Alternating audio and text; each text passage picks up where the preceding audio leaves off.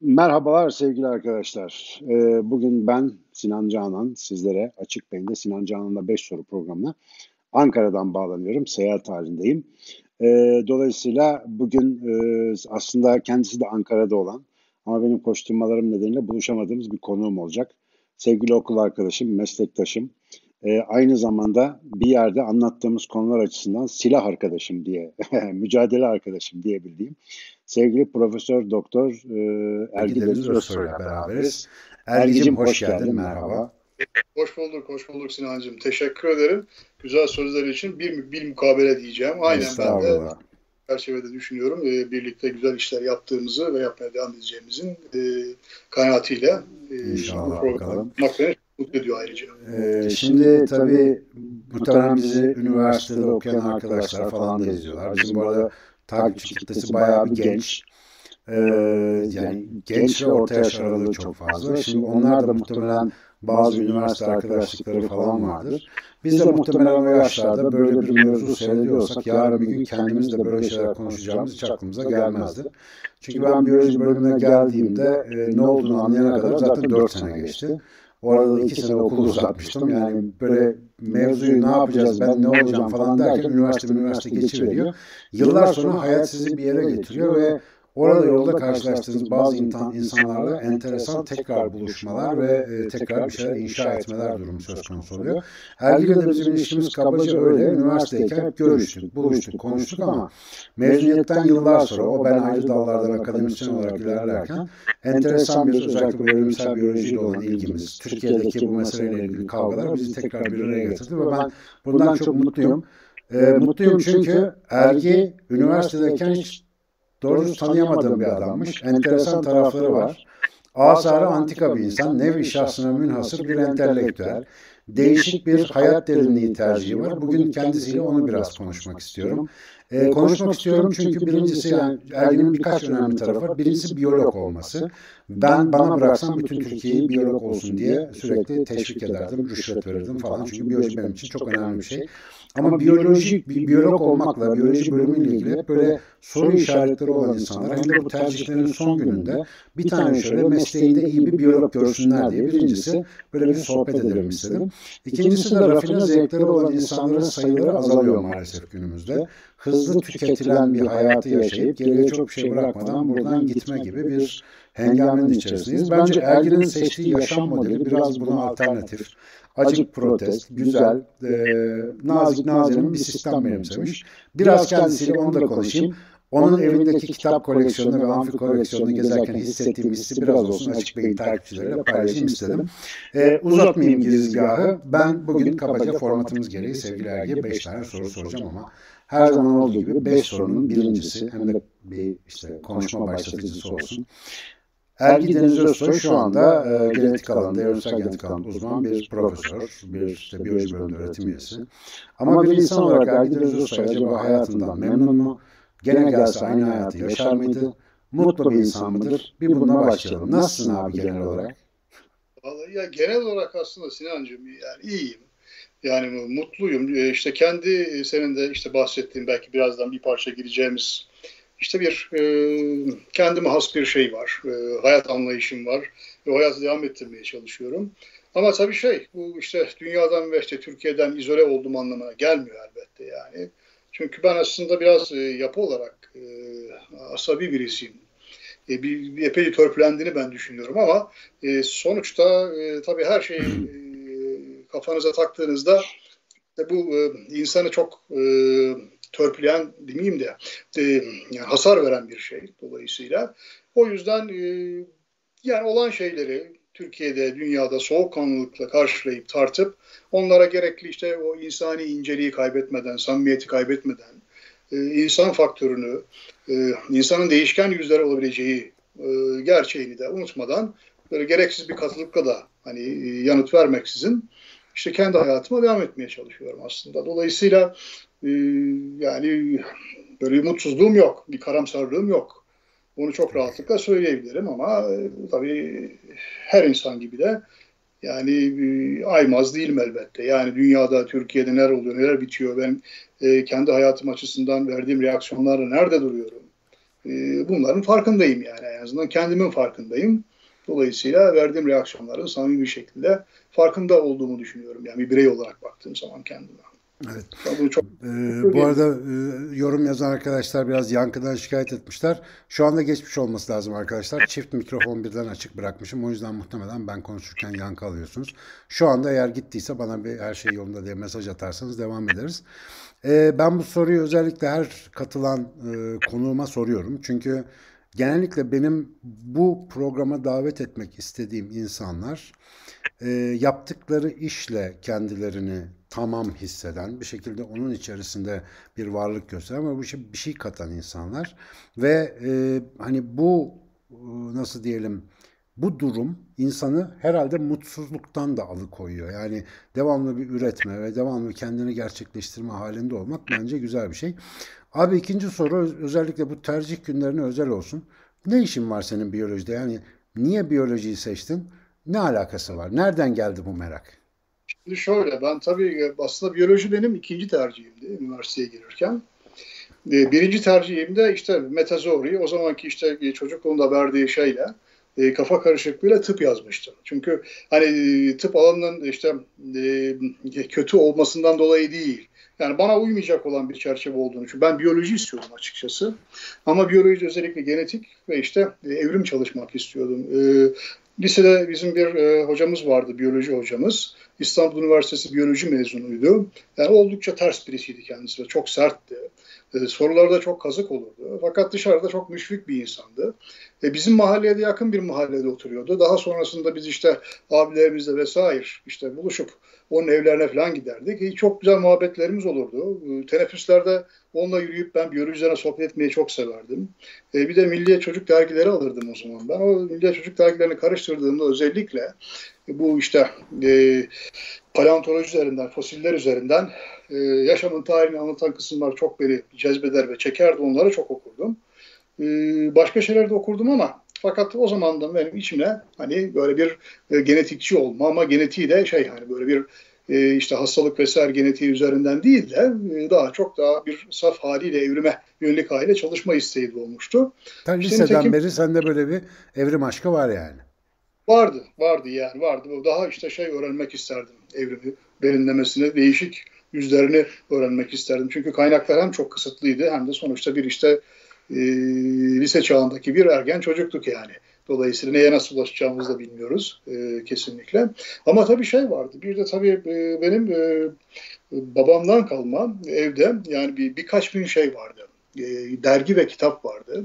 Fakat bu dergi ve kitaplar şey tabii e, babam mühendis olduğu için e, eğitimini Almanya'da devam ettirdiği için hep Almanca kitaplar. Ama o kitapları karıştırmak çok hoşuma giderdi. Onlar arasında böyle e, yine popüler e, sanırım şeyle e, çerçevede yazılmış e, babamın aldığı Almanca kitaplar vardı. Onlara bakardım. Çocukluğum biraz da bir tek çocuk olmanın verdiği şeyle e, durumla işte evde kitaplarla biraz evin kralı olarak geçti aslında dolayısıyla.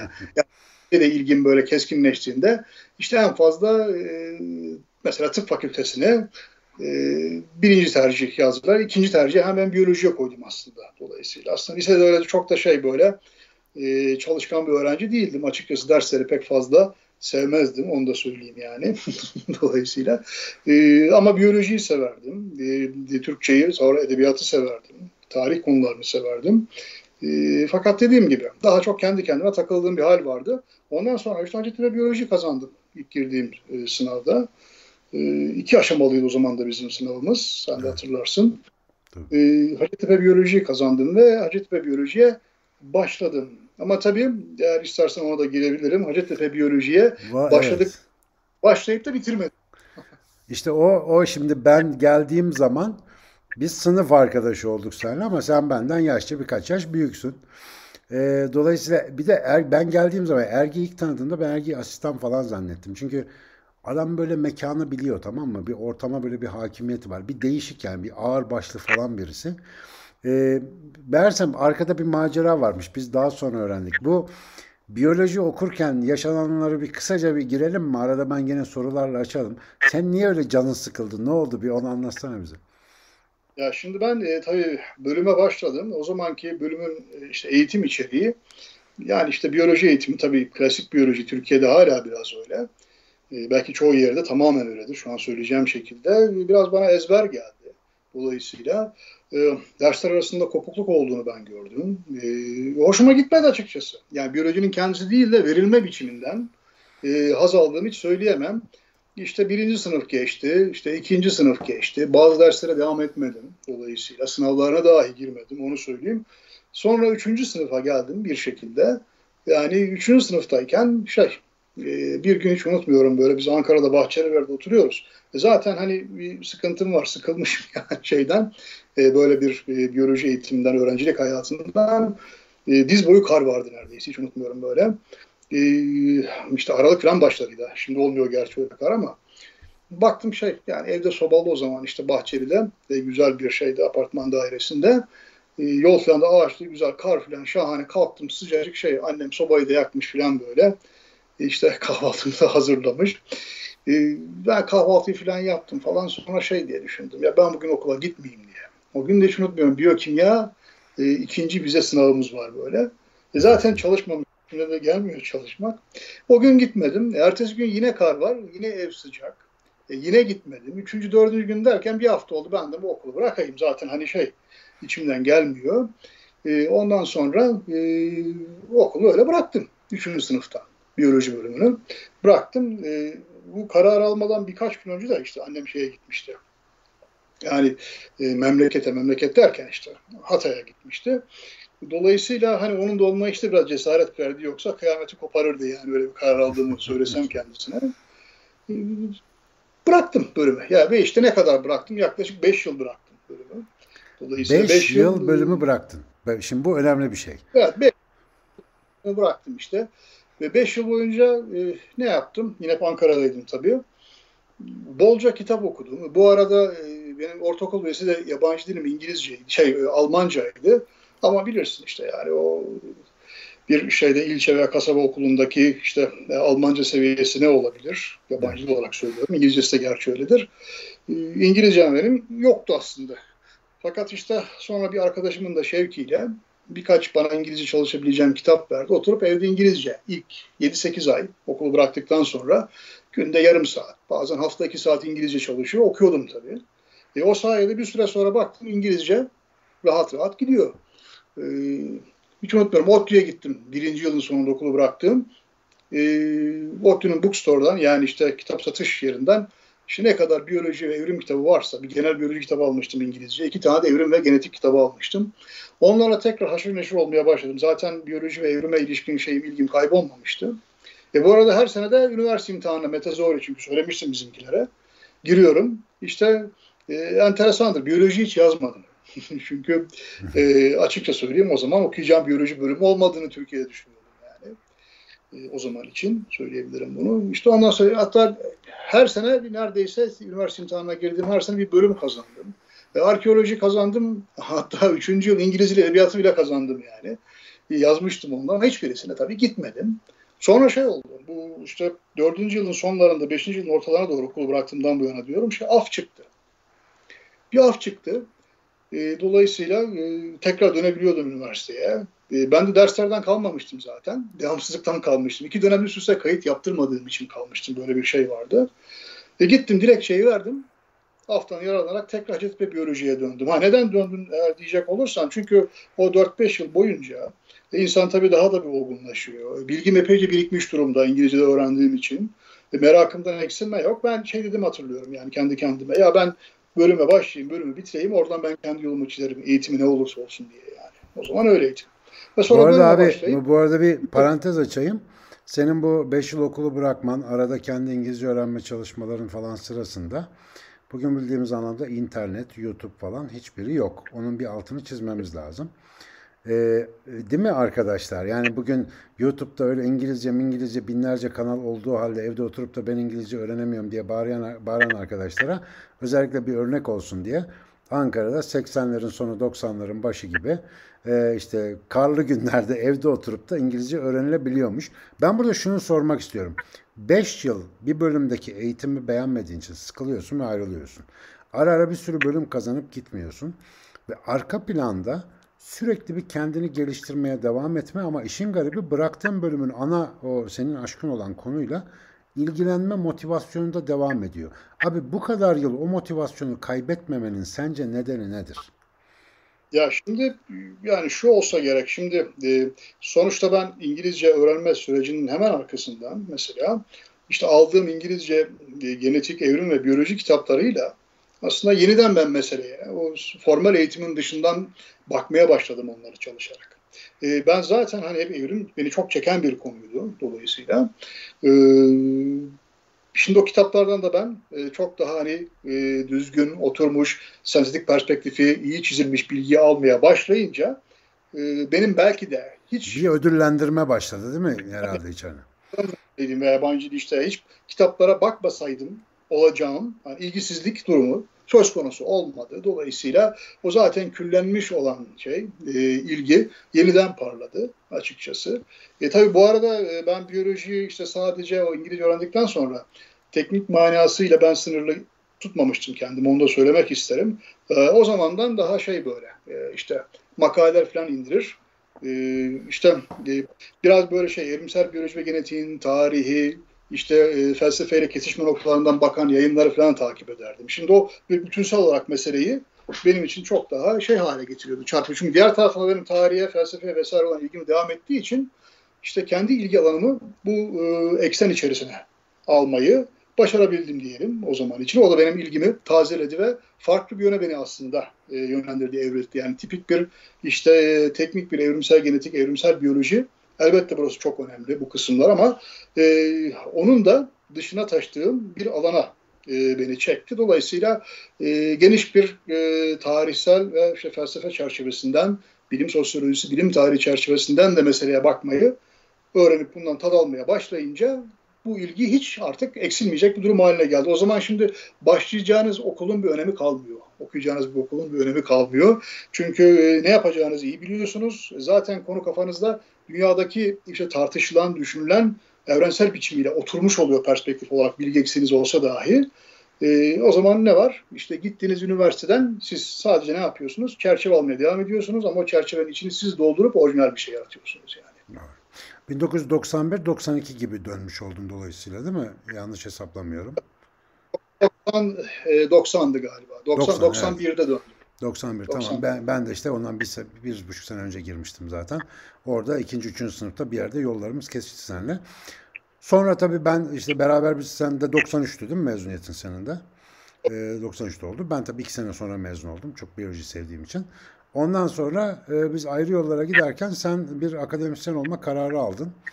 Ee, orada da enteresan maceralar oldu diye hatırlıyorum. Bir ODTÜ var, bir, bir şey var vesaire Hacettepe. Orayı bir kısaca anlatsana neler oldu orada? Nasıl akademisyenliğe karar verdin? Ee, okul bitti. Ben işte yüksek lisans yapmak istiyorum. Yani evrimsel genetik istiyorum artık iyice şekillendi kafamda.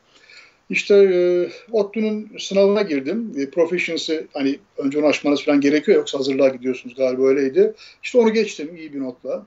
E, arkasından master sınavını zaten kazanmıştım. E, Hacettepe'nin de şeyini kazandım, e, master'ını kazandım. E, bu arada e, yurt dışı e, Milli Eğitim Bakanlığı'nın e, galiba çok zaman oldu. Onun açtığı sınavı da kazandım, doktora sınavını.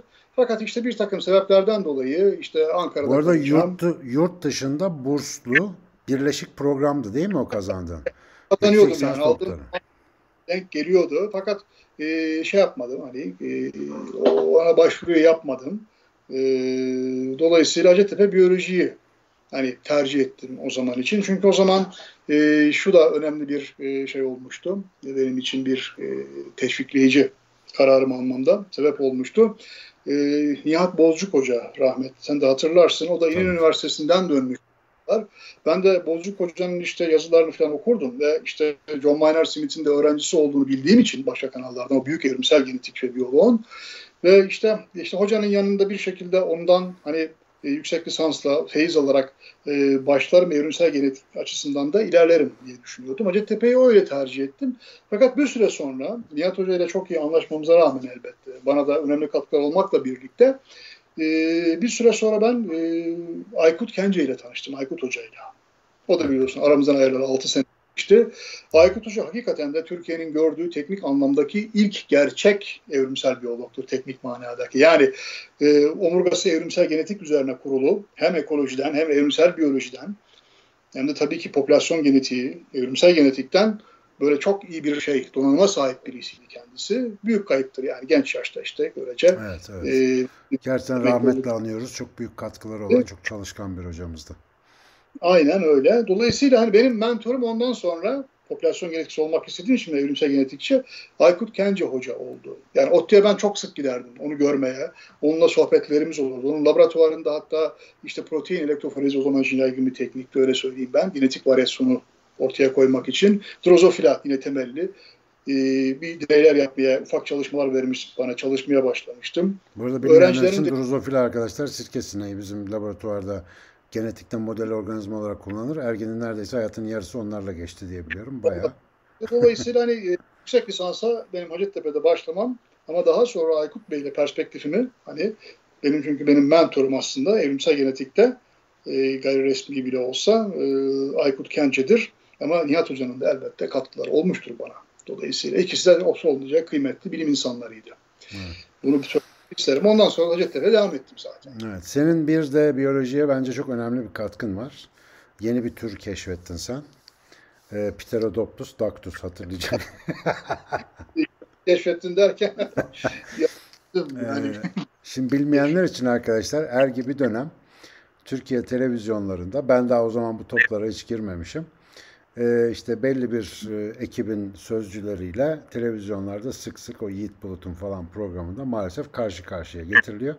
Ergi bütün iyi niyetiyle onlara evrimsel biyoloji, paleontoloji, işte fosil bilimi, akrabalık, vırsıt bir şeyler anlatmaya çalışırken karşı tarafta sürekli işte onlar mükemmel organizmalardı falan filan diye itiraz eden papağan misali tipler var. Ergi bir gün bu programda bulabilirsiniz. Yiğit Bulut'un programıydı galiba değil mi? Ee, şey, moderasyon e, CNN'deydi. Ha, CNN Türk'teydi. Evet evet pardon o değildi.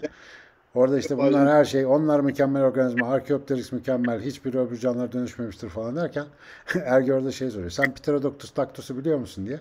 Herif diyor ki biliyorum o da mükemmel organizma. Ergi de diyor ki onu şu anda ben uydurdum öyle bir organizma yok deyince arada gürültüye gitti ama çok büyük bir rezaletin altını çizmiş oldu Ergi orada. Bence bir kırılmadır o program. Keşke onu herkese okullara iz, okullarda izletilse o bölüm. Çünkü karşıdaki insanların ne kadar bilgiden uzak ve tekrara dayalı bir propagandist e, koltuğunda oturduğunu çok net gösterdi bize. E, ve biz ben de o dönemlerde açıkçası sinirim zıpladığı için evet Şirin Payzı'nın programı doğru e, doğru hatırlattı. E, o dönemlerde bende de sinir kas sayısı yükselince biz de bu konuları tartışmaya girdik. İşte Ergi ile o dönemlerde de yavaş yavaş önce Pelin Çift'le falan filan televizyon programlarında biz tekrar buluşmaya başladık. Birlikte konuşmaya başladık. Ee, ve Ergin'in çok sevdiğim bir şeyi vardı orada. Şimdi sana onu soracağım. Ee, avam evrimcilik dediğin bir şeyden şikayetçiydin sen de. Ben de yıllarca buna isim koyamamıştım. Yani öyle bir e, durum vardı ki biz evrim, evrimsel biyolojiyi anlatmaya çalışırken buna karşı olan insanlar bizim gibi evrim anlattığını iddia eden bazı insanların evrimsel biyoloji adına söyledikleri aşırı yorumları bize kanıt olarak getiriyorlardı. Ve biz evrim anlatmaya çalışırken siyasi ya da dini bir takım çamurlu alanlara saplanmak zorunda kalıyorduk. Biraz bununla ilgili e, senin kısaca bir anılarını da almak isterim. Yani seni nasıl zora soktu? Sen niye böyle bir hani public education'a bir halk bilgilendirme moduna girmek zorunda kaldın? Biraz da onun hikayesini duymak isterim. Çünkü orada biz çok ortak bir şey yapıyoruz. E, senin hikayen de bence bizim takipçileri çok ilgilendirir. Şimdi e, aslında bunun hani kendi açımdan iki temel bileşeni var. Yani neden böyle bir işte şey e, toplumsal bir işe soyunduk diye bakacak olursam e, iki temel nedeni var. Bunlardan bir tanesi şey e, mesleği akademiyi nasıl gördüğümle alakalı. Yani kendi yaptığım işe e, angaje olarak, teknik olarak üreterek aslında e, sadece sen yürümekte olan dedim kendi kendime işte bir akademinin e, standart akademinin e, çarklarından bir tanesi olmuş oluyorsun. Yani dişlerinden daha doğrusu. Elbette o ben burada menfi manada kullanıyorum ama elbette e, işte e, çağdaş işte e, akli özgür akademik anlayışın bir parçası olmak çok önemli. İş yapmak, üretmek çok önemli. Onu hemen söyleyeyim ben. Ama sadece onunla sınırlı kalmak bana biraz şey hani vicdani açıdan sorumlu geldi dolayısıyla. Çünkü Türkiye'de bu mesele çok uzun süredir zihinleri bulandırmaya devam ediyordu. Ciddi bir bilgi kirliliği vardı dolayısıyla ve o bir, benim ufak kedi geldi de bu arada. e, ciddi bir bilgi kirliliği vardı e, ve bu beni çok rahatsız ediyordu. Şimdi bilgi kirliliğinin tabii iki temel e, aktörü vardı baktığımız zaman kabaca. Bir tanesi malum evrim karşıtları. Bunlar işte yurt dışından Amerika'dan ithal görüşleri Türkiye'de çok net bir şekilde savunuyorlar. Dolayısıyla ve yani evrimsel biyolojinin doğru kavranışına, bir bilim olarak kavranışına hangi işte dünya görüşünden gelirse gelsin insanların sahip olmasını engelleyecek bir şey oluşturuyorlardı yani kötü bir e, ne derler cephe oluşturuyorlar. Birincisi bunlara karşı söyleyecek sözümüzün doğru bilgi aktararak olması gerektiğini ben düşündüm. E, ikincisi ise e, enteresandır. Şimdi evrimi anlatmak veya savunmak adına aslında e, evrim bilgileri işte ya yüzeysel ya da yüzeyin biraz altında olmakla beraber tamam mı? Biraz da alkış düşkünlüğüyle ve e, kaba bir ideolojik bir yaklaşımla aslında evrimi işte dünya görüşlerinin karşısında bir alternatif olarak ele alan bir kaba bir avam evrimcilik vardı. Bunun örneklerini hala görüyoruz biz mesela.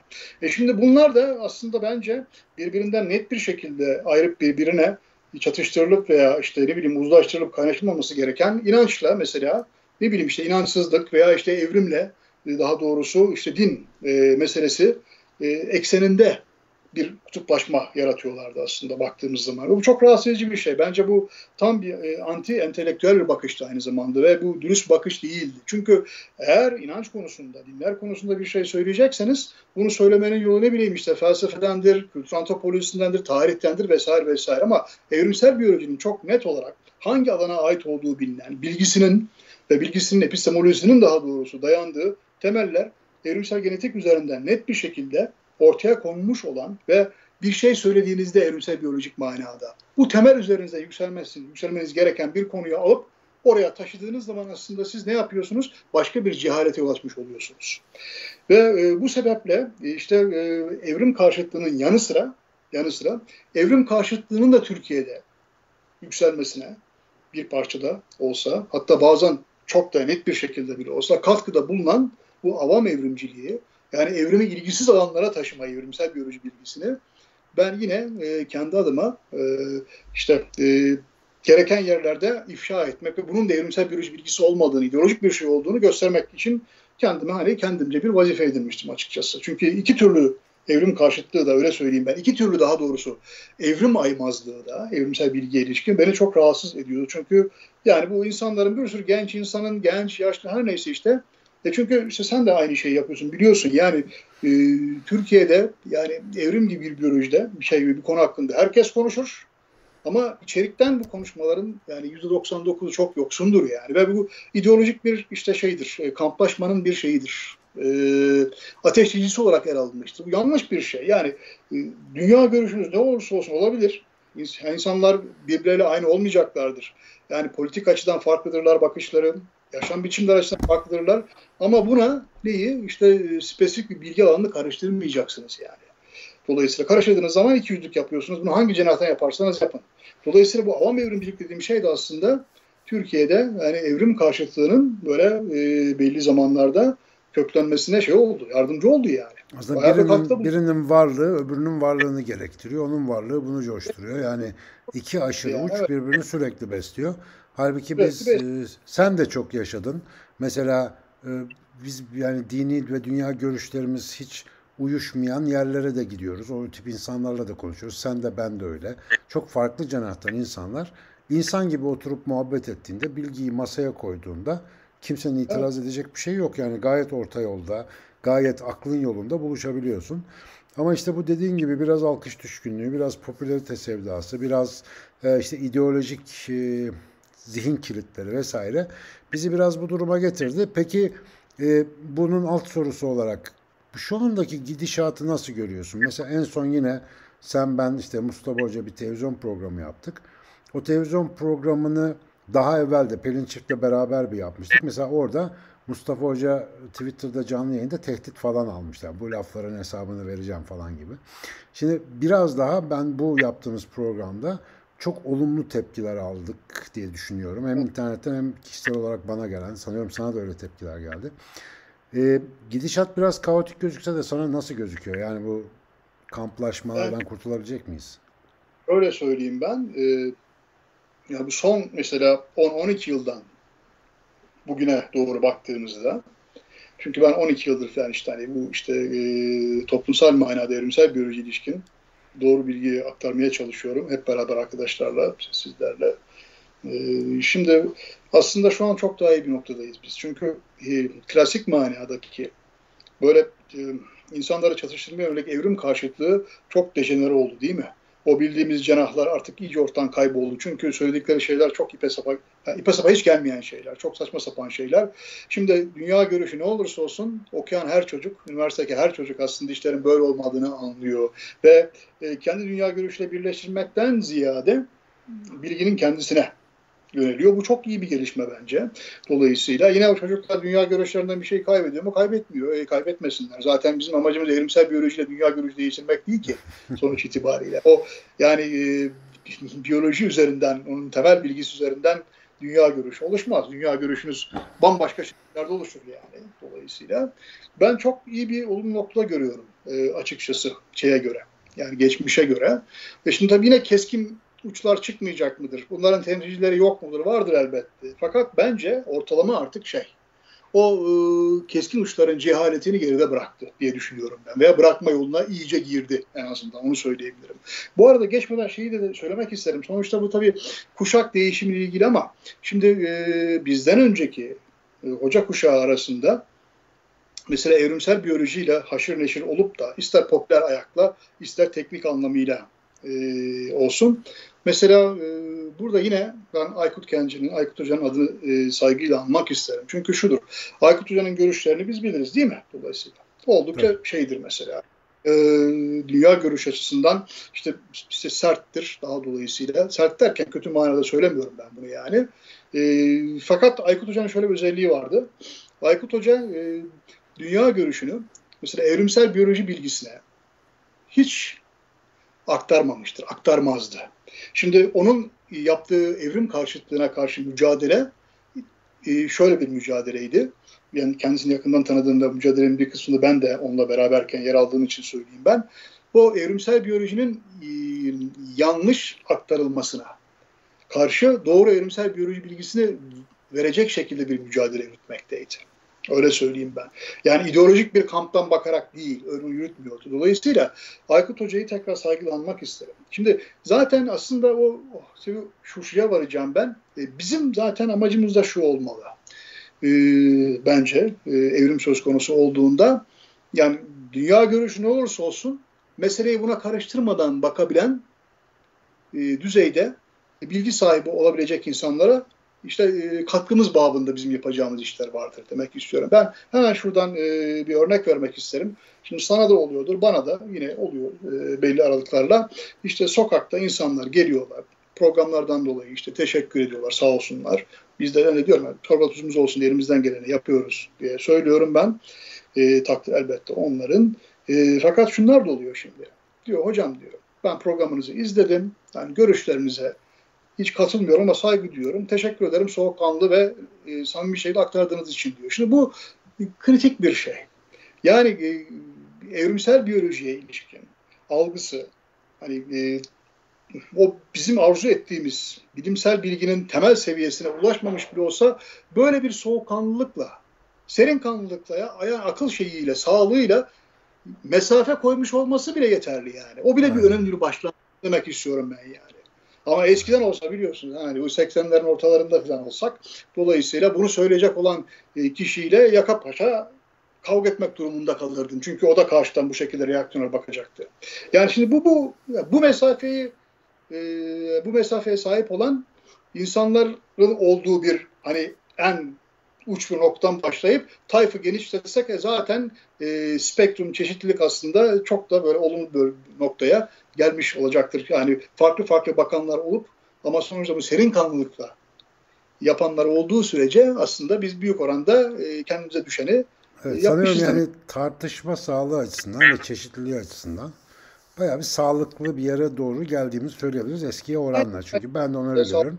Ben de dün mesela Kızılcamam'da bir misafir ettiler beni bir Anadolu platformu bir konuşmasında. Konumuz büyük oranda buydu. İnsanı yeniden anlamak diye bir panelde ama ben büyük oranda tabii insanın biyolojik, evrimsel ve antropolojik e, yolculuğunun bugüne yansımalarından bahsettim. E, yani normalde mesela oradaki insanların genel dünya görüşü itibariyle daha muhafazakar bir kitle. Hani beklersin ki eskiden ben böyle telaşlanırdım öyle bir yerde evrim anlatacağım zaman ama çok çok samimi bir muhabbet geçti aramızda. Saat birlere kadar muhabbet ettik. Hani soru soru soru daha fazlasını öğrenmek istiyor insanlar. O yüzden ya bunlar çok güzel. E, zaten işte seninle dediğim gibi tekrar bu muhabbetle yolumuzun bir daha kesişmesi çok güzel oldu ama bir açıdan da güzel oldu. Biz öğrenciyken ben seni hiç evine gelip ziyaret etmemiştim. Sonra işte bir televizyon programından sonra sana bir kere misafir oldum. Aklım şaftım kaydı. Şimdi onlardan konuşacağım. Lambalı Amfiler, Bela Bertok, ondan sonra neydi? Estarabim, bizim abi Erkin Koray ve e, bir şeyli birinci baskı kitaplar macerasına. Öncelikle senin bu e, lambalı amfi bilmem ne merakın nereden geliyor abi? Nereden buldun onları? Böyle o konuyla ilgili geçmişini hatırlıyor musun? Niye böyle bir merakın var senin? Ya şimdi şey e, ben işte şey ya plaktan dinlemeyi çok severdim. Bizim çocukluğumuzda plak yine hani ortadan kalkmaya başlamıştı ama belli bir yaygınlığı vardı. E, ve işte iyi cihazlar benim hep ilgimi çekmişti açıkçası. Yani ben o okulu e, bıraktığımı söylediğim işte ilk yıl mesela içerisinde hemen bir şekilde bir para tedarik edip kendime o zaman böyle böyle güzel bir CD çalar almıştım böyle. Onu çok iyi hatırlarım. Fakat bir süre sonra şey ben işte plaktan dinlemeyi daha çok sevdiğimi fark ettim. Çünkü yavaş yavaş da böyle işte e, Ankara'daki e, işte satıcılara falan dolaşıp işte Erkin Koray plakları topluyordum. O zamanlar çok ucuzdu tabii yani. Çünkü plak herkesin çok kıymet verdiği şeyler değildi. E ondan sonra bir pick-up'ım olsun istedim. Tamam mı? O zaman işte fena olmayan pick-up buldum. E şimdi e, pick-up olunca bir de amfi olsun, amfi de iyi ses versin deyince sonra okumaya başladım falan. E, baktım şey lambalı amfiler en iyileri falan dinliyor. Sonra lambalı amfi buldum. Hakikaten sesi çok farklı ve çok değişik. Bir arkadaşın evinde dinlemiştim. E, ondan sonra ben işte kendim e, elimden bir sürü cihaz geçti. İşte e, işte aldım, elden çıkardım, başkasını aldım falan bir süre sonra şey oluyor hani e, biraz tutku haline geliyor. Öyle bir tehlikesi de var. İşte sonra e, lambalı amfilerim e, oluştu. E, şu anda iki tane benim e, temel, üç tane de aslında bir tanesi mono. İki tane temel lambalı amfi var. Biri 1959 İtalyan yapımı, biri de 69 Japon yapımı dolayısıyla.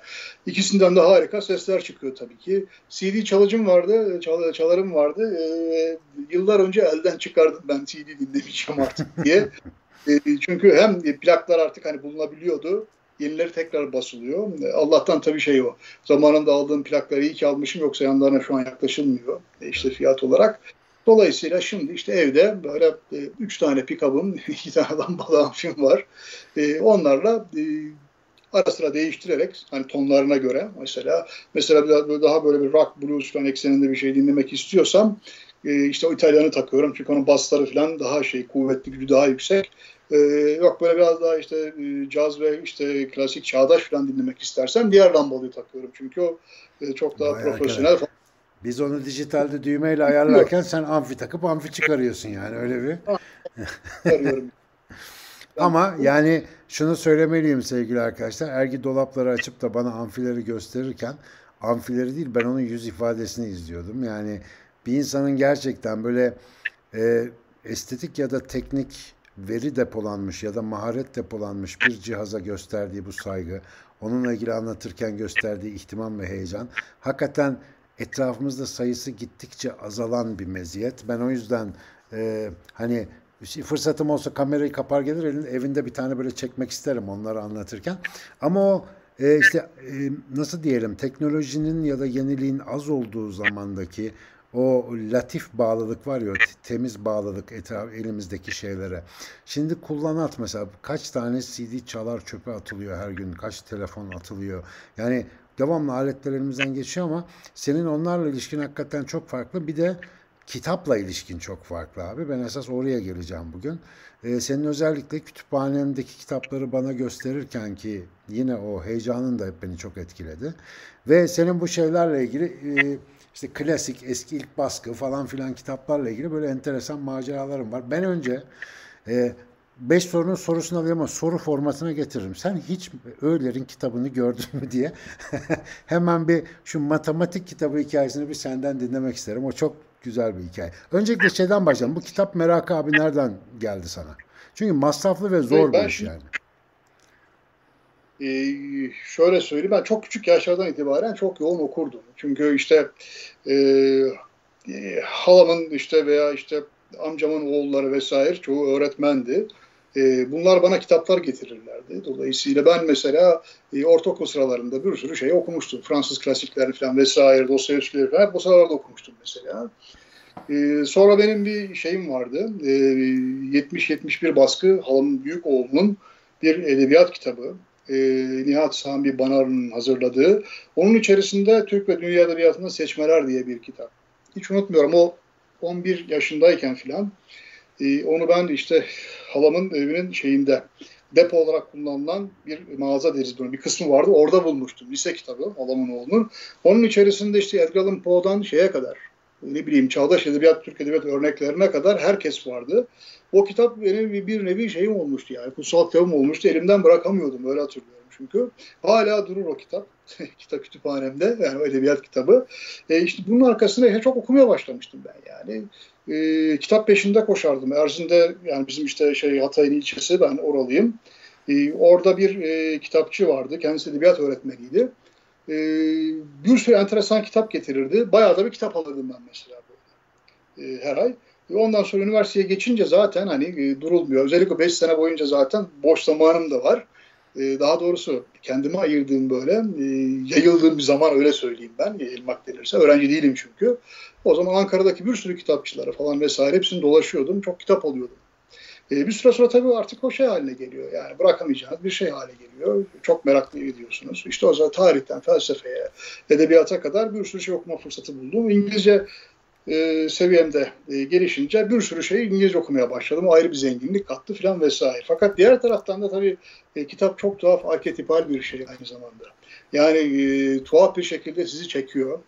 Ve işte tabii ilk baskılara vesaire e, ilginiz e, bazı tesadüflerle aslında başlıyor. E, ben o tesadüften size bir e, söz edeyim. E, aslında bu programda sizden bahsedeyim. Başka bir enteresan bir şey var. Yıllar önce ben şeyi arıyorum. E, Faust. Göte'nin Faust. Sadirmak çevirisi dediler en iyi çeviri. Çok uzun zaman önce bu. Fakat hiçbir yerde bulamıyorum ben bunu.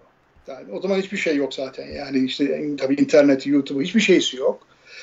Ankara'da kitapçılarda yok, ikinci elcilerde falan yok. Ee, sonra şeye e, Zafer Çarşısı vardır biliyorsun Ankara'da. İndim. Orada şey vardı.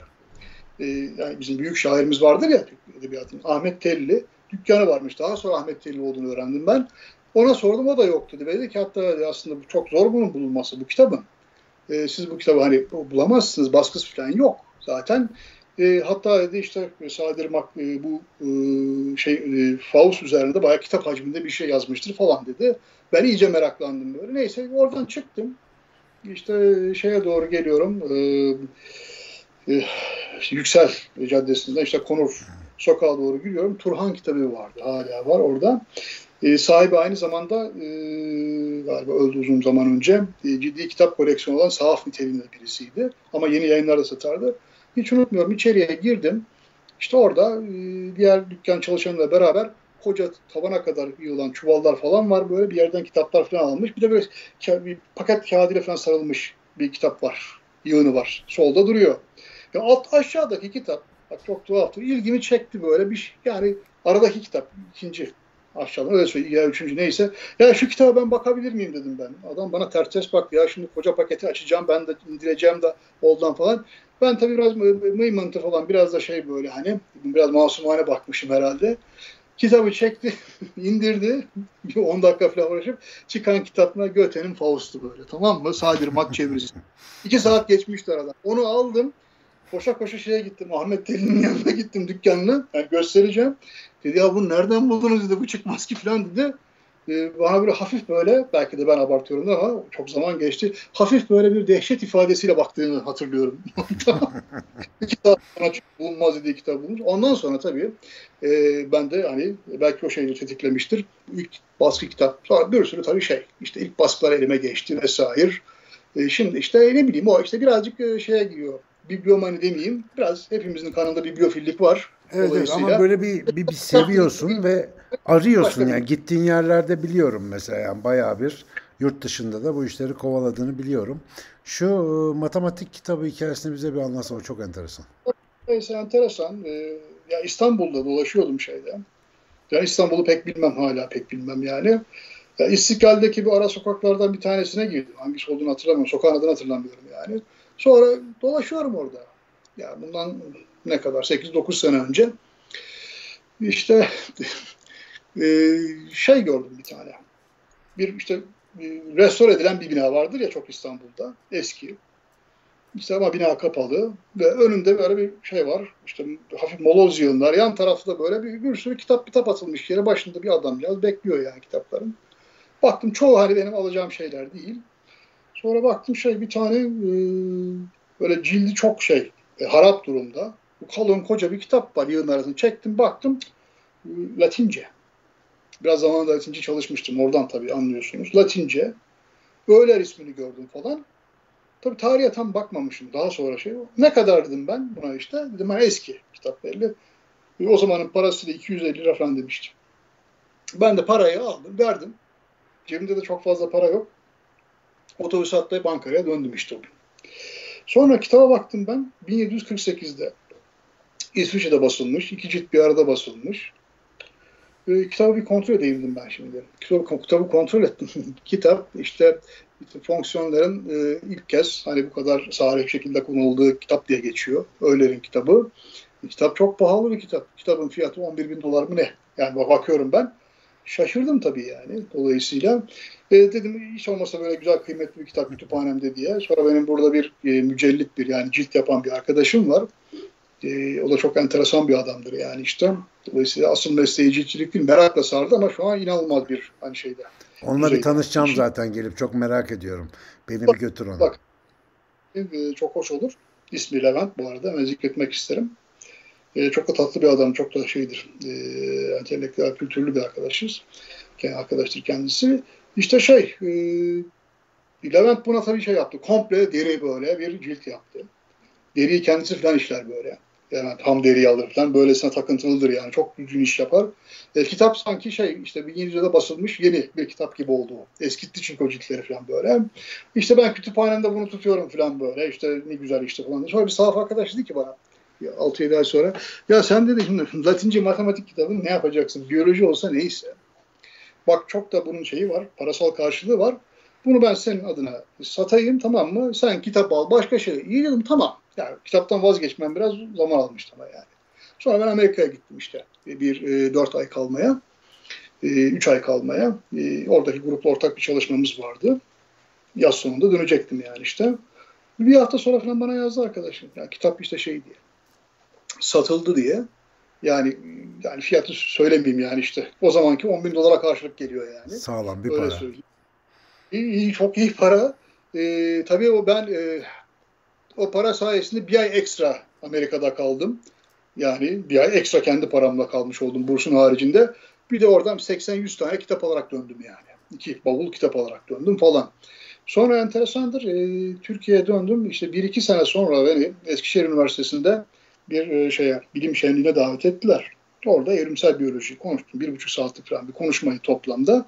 Sonra işte fen fakültesinden hocalar da var. Dediler işte şey bir tanesi matematik bölüm başkanıydı galiba. Bizim de çok güzel matematik müzemiz var burada. Hakikaten Anadolu Üniversitesi'nde e, duruyordur büyük ihtimalle. Yani tavsiye ederim herkese, genç öğrenci arkadaşlara da. E, çok güzel bir müze. Türkiye'de başka örneği yok. Bir gezelim. Ondan sonra gittik. Hakikaten çok hoş. Yani o objeleri yapmışlar. Leonardo'nun o şeylerinin hani imitasyonları falan var vesaire. Neyse dedi ya burada dedi ben size de müzenin dedi en önemli parçasını göstereceğim. Yakınlarda aldık biz bunu dedi bir iki bir sene kadar önce. Eşi bulunmaz bir nadir bir kitap dedi. Ben de merak ettim ne dedi. Gittim baktım o Öğler'in kitabı. Kitap duruyor. Dedim bu benim kitabı. Ya yapmayın ben işim o zaman çok sevindim. Yani düzgün de bir yere gitmiş olduğunu bilerek böylece. Böyle bir hoş tesadüfle de işte kitabı orada görmüş. Oldum. Ama bunun gibi tabii iri ufaklı bu kadar olmasa bile evet. e, statları çok dolaşınca, kitaba sarınca böyle ufak tefek maceralarınız oluyor tabii ki. Ee, elinde bildiğim kadarıyla böyle Osmanlıca falan da kitaplar var bu konularla ilgili. Osmanlıca okuyabiliyor musun? Osmanlıca'ya çok yeni başladım. Dolayısıyla e, niyetim benim işte yılın sonlarına doğru yani bu çalışma hızıyla normalde aslında o Türkçe yani o hurufatı işte öğrenmek lazım. Alfabeyi vesaire okumuş biçimlerini. Ondan sonra işte kelime bilgisiyle gitmeniz lazım okuyarak sürekli. Fakat benim işte başka işler yüzünden çok yavaş oluyor. Ee, bu senenin sonuna kadar ben rahat rahat okuyacak seviyeye geleceğimi düşünüyorum. Bu çalışma hızıyla yani. Yani bunları yavaş... özellikle de şey için sordum bunu. Yani kütüphanendeki kitapları sadece biriktirmiyorsun ya da onların belli bir edisyonda, belli bir tarihte olmasından ziyade bir de o kitapları tetkik etmeyi sevdiğini biliyorum. Yani böyle biraz kurcalıyorsun için. Hele ki Darwin'in o e, işte kitapları, işte türlerin kökenini, eski baskıları falan filan onları böyle okuduğunu biliyorum yani içinde gezdiğini. Bu e, mesela diyelim bir adam türlerin kökenini okuyor. E, sonra bir kere daha okuyor. Türlerin kökeninin 4-5 farklı baskısını mesela okumak ne kazandırıyor? Yani önceki baskılarla sonraki baskılar arasında o kadar büyük fark var mı ya da sana ne gösteriyor bunlar? Şimdi şöyle, e, fark iki şekilde var. Şimdi köken 1859'da yayınlandığında sen de iyi biliyorsun ya Russel Wallace'un işte bilgilerine bilgilerinden yani benzer bir perspektif oluşturduğundan Darwin haberdar oluyor. O yüzden aslında birkaç cilt yazacağı kitabı daha çabuk hazırlayarak bir özet halinde sunuyor. Aslında özettir Darwin'in deyişiyle türlerin kökeni. Hmm. Şimdi birinci baskı o yüzden yine çok güzeldir. Ben onun faksimil edisyonu var. Yani tıpkı basımı var. Ama sonraki baskılara göre biraz daha argüman bir parça daha dağınıktır mesela. Argüman çerçevesi. Sonraki baskılarda Darwin ne yapıyor? Daha rafine hale getirmiş ve eleştirilere yanıt vermiş. Dolayısıyla daha fazla ek bilgi ve e, örnek eklemiş zamanının çalışmalarından ve kendi çalışmalarından. Dolayısıyla sonraki baskılar arasında bu tür farklar var. E şimdi aslında ilk baskıyı da okusanız, yani ne bileyim işte Darwin e, ölmeden önceki son baskı, altıncı baskıdır mesela. Onu da okusanız sonuçta perspektif alırsınız ne demek istediğini, verimsel biyoloji nasıl bir temel oluşturduğunu modern verimsel biyoloji anlarsınız.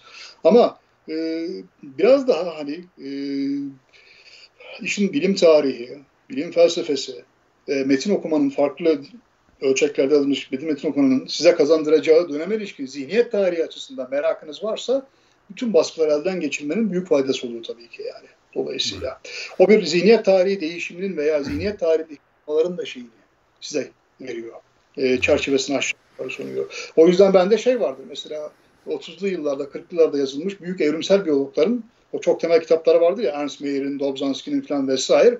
Onların hep baskıları var bende.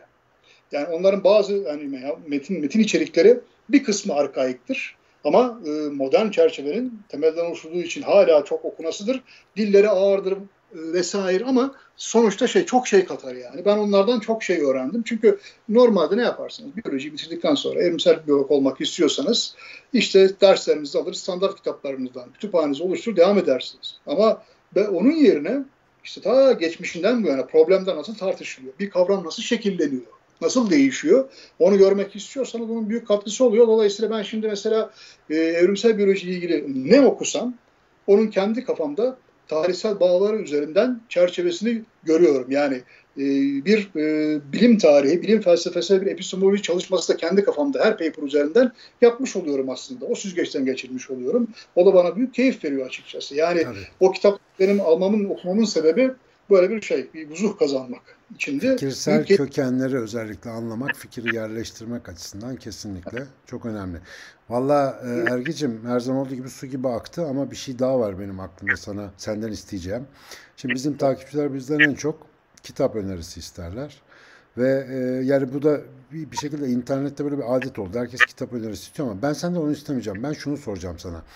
Evrimsel biyolojiyle ilgili bir şeyler öğrenmek e, konusunda insanları biz provoke ediyoruz. Diyoruz ki ya bu konu önemlidir diyoruz, anlatıyoruz. Fakat piyasada mesela genellikle böyle Dawkins'ler falan filan var. Yani bestseller kitaplara baktığın zaman hani ben şahsen onlarda biraz fayda kadar kafa karışıklığı da üretebildiklerini görüyorum. Çünkü biraz önce söylediğimiz o bağlamından çıkartma işine rastlayabiliyoruz. Levontin gibi mesela bu tip e, bizim evrimsel biyolojiyi özellikle yeni ve yenilenmiş perspektifle anlayabilmemiz için şu andaki literatürde özellikle bu yeni dönemde nerelere, kimlere bakmamızı önerirsin? Bir iki isim bize verebilir misin o konuyla ilgili? Ya şimdi şöyle, e, şimdi belki evrimsel biyolojinin e, ana başlıkları üzerinden hemen aklıma gelen Türkçe'ye çevrilen kitaplar e, açısından isim söyleyebilirim. Şimdi tabii e, şimdi genel evrimsel biyoloji, mesela doğal seçilim veya genetik sürüklenme gibi temel süreçler açısından ve anlatılıyor pek çok kitapta. Ama e, bazılarında bağlamlarından çıkarılmış oluyor. Şimdi Dawkins konusunda e, Ataların Hikayesi diye kitabını hani önerebilirim ama e, Gen Bencildir'i yani e, şöyle bir iyi bir genetik donanımıyla okumak lazım. Yani kitabın ağırlığından dolayı değil, kitabın içerisindeki e, gaflara şey yapmamak için, kapılmamak için sağlam bir genetik gerekiyor. Çünkü açıkça yine çok rahatlıkla söyleyebilirim. Gen Bencildir benim okuduğum yani en kötü kitaplardan bir tanesi.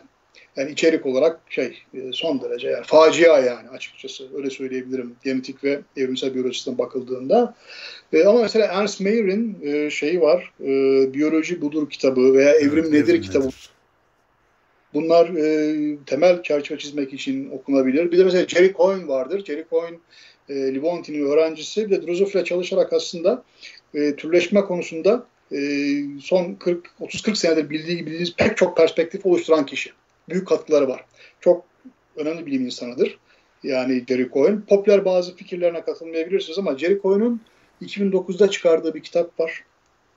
Ee, İngilizcesi Why Evolution is True veya işte evrim neden gerçektir diye. Çok hoş bir kitap. Hatta hakikaten de yani evrimin ana konularını çok güzel veriyor doğru bilgilerle. İşte bir e, popüler olma kaygısıyla bağlamından çıkarmaksızın bunu söyleyebilirim. E, Livonti'nin yine tabii çok akıl fikir kitabı Güçlü Sarmal var. Onu ben e, çevirmiştim yıllar önce. TÜBİTAK'tan çıkmıştı daha sonra saydan çıktı. E, o birazcık şeydir yalnız. E, biraz böyle şey işte bilim felsefesi, felsefe, tarih, bilim sosyoloji perspektifinden doğru evrimsel biyoloji bilgisine bakmanın yoluna ilişkindir. Dolayısıyla e, ama okurlar eminim zevk alacaklardır. E, sonra işte yine bu Brian ve Deborah Charlesworth'un kitabı işte şey e, Evrim Çok Kısa Başlangıç diye küçük kitap olarak çıktı Kültür Üniversitesi yayınlarından. Daha önce başka bir yayınından çıkmıştı. Yeni baskısını onlar çevirdi. Ben de bir ufak bir ön söz yazdım. O kitapta şeydir çok e, başlangıç olarak e, çok hoş bir kitaptır. Onu söyleyebilirim. Rahatlıkla değerli toplu bütün yani türleşmeye kadar her şey vardır içerisinde. Perspektifi çok e, doğru verir. E, son zamanlarda işte elime şey geçti. Yani, yani bu şeyin Sapiens kitabı Harari'nin. Bence ayakları yerden kesilen bir tuhaf bir kitap o açıkçası. Şimdi ona girmeye gerek yok ama fakat yine yakınlarda e, bir e, Sapiens diye bir kitap, Homo Sapiens diye bir kitap çıktı. İşte şeyden, e, saydan, işte Silvana Condem ve François Savatier diye. Bunun ikisi de alandan kişiler ve e, teknik literatürü tarayarak böyle 150-200 sayfa çok güzel bir şey. Modern insan evrimi kitabı oluşturmuşlar. Böyle bir şey ideolojik falan e, bağlamdan çıkarılmış kısımları yok dolayısıyla. E, bunlara bakılabilir ama tabii Türkiye çok kitap da çevrildi bu arada açıkçası. E, içlerinde çok iyileri de var. E, ama Sen bir ara şeyi de önermiştin. Modern insanın kökeni vardı. Ee, o da çok evet, o da çok güzeldir. Evet, o da, o da sanırım 5'teki baskısından en son çevrildi. Saydan çıktı. O da Hı. insan evrimini çok e, net bir şekilde anlatır. Bir de yanılmıyorsam Koç Üniversitesi yayınlarından çıkmış olsa gerek. Birkaç sene önce ben almıştım. Ee, biraz popüler bir isimle Türkçe'ye çevrilmişti ama adını şu an unuttum ben. Yani insan genomu bilgisi üzerinden insan evrimini çok böyle hoş, böyle yarı popüler seviyede anlatıyor idi. Hı. Adını unuttum ama belki daha sonra şey yapabilirim.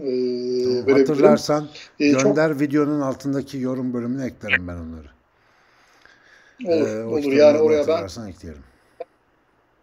de yok bu bildiğim kadarıyla. Çünkü onu birkaç öğrencime birkaç defa alıp hediye ettim ben açıkçası. Ama adını unuttum. İngilizce adı aklımdaydı ama dolayısıyla e, fakat o çok hoş bir kitap insan evrimi açısından. Yani e, işte yani Ernst Mayer'in kitapları, evet. işte Richard Lemon. Ee, Ernst Mayer'ı ben de öğrencilerime sık sık tavsiye ediyorum zaten evrimsel psikoloji dersinin girişinde. Ve e, Son söz olarak şunu söyleyeyim e, kapatmadan evvel. Ee, biz biraz da zamanımızın çocuğuyuz. Şimdi Ergi ile yıllar sonra gene bu işleri konuşurken bir araya gelmek aslında e, kendi kafamıza göre yaptığımız bir şey değil de içinde yetiştiğimiz ortamın, karşılaştığımız şeylerin yoğurmasıyla biraz işte bizim gibi belli dertleri kafaya takan insanlara görev kalmış bir şeylerle uğraşıyoruz. Ee, Türkiye'nin ve dünyanın garip zihinsel dönemlerden geçtiği zamanlarda büyüdük. Ee, işte 93, 94, 95 gibi yıllarda üniversitede ya da akademisyenliğin ilk yıllarımızı geçirdik mesela.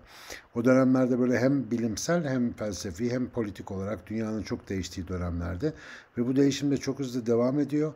Ee, biz de bunun içerisinde en azından şimdinin ve biraz yakın geçmişin bilgisi doğru bir şekilde anlaşılsın ve geleceğin inşasında kullanılsın diye bütün gayretimiz o. E, bütün dünyadaki insanların evrimsel biyoloji bilmem neyi anlaması değil amaç ama kendilerini doğru bir şekilde tanımaları için yanlış bilgilerin önüne geçmeye gayret ediyoruz. Garip çarçöple zihinlerde olmasın en azından gerçek bilgiyi insanlar bir tarz daha merak etsin, bir tık daha merak etsinler diye. O yüzden sevgili Ergin'in de onun da yorulduğunu biliyorum bazen bu tip muhabbetlerde ama bu konuda gösterdiği çabaları çok e, takdire şayan buluyorum her zaman. Ve elimizden geldiğince işte bilgi taşı üzerine taş koymaya gayret ediyoruz. Ee, sevgili dostum iyi ki geldin. Kanal ışıldadı. Valla milletin de çok hoşuna gitti. Burada yazıp duruyorlar. Ergi Hoca ile her gün program yapın falan diye. Dur abartmayın. Her şeyin bir cılkını çıkarmayın. Önce bu programı şöyle bir yüz bin izleyin de ondan sonra bakarız bir dahasını yap yapmamaya karar veririz.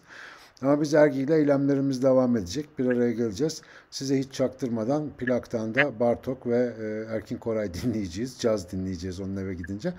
E, siz de bizimle olduğunuz için çok teşekkür ediyoruz. E, sevgili Ergi'ye de. Bu arada sevgili e, meslektaşımız Zeynep Yakut'a da buradan e, selam ediyor. Çok heyecanlıydı. E, işte sen de geleceksin diye. Bu arada evet Güneş'in Aydemir de bizim sınıf arkadaşımız. Daha kimler kimler var. Bir gün hepsini yayına toplayacağım böyle. Coşacağız burada. Halay çekeceğiz. Ee, bizim dönemden zaten normal adam çıkmadı. Onu belirteyim. Herkes bir tuhaftır. Onların hepsini bir gün buraya toplarım kısmet olursa. Sizler de böyle desteğiniz devam ettikçe inşallah burada birlikte bu muhabbetleri yapacağız. Ee, sevgili dostum Profesör Doktor Ergi Deniz Özsoy ile beraberdik. Bu akşamın bu saatini ayırdığı için çok teşekkür ediyorum. Ee, çok teşekkür Gene güzel muhabbetlerle bir araya gelmek üzere diyorum. Siz katılanlara da çok sevgiler. Kendinize çok dikkat edin. Görüşmek üzere.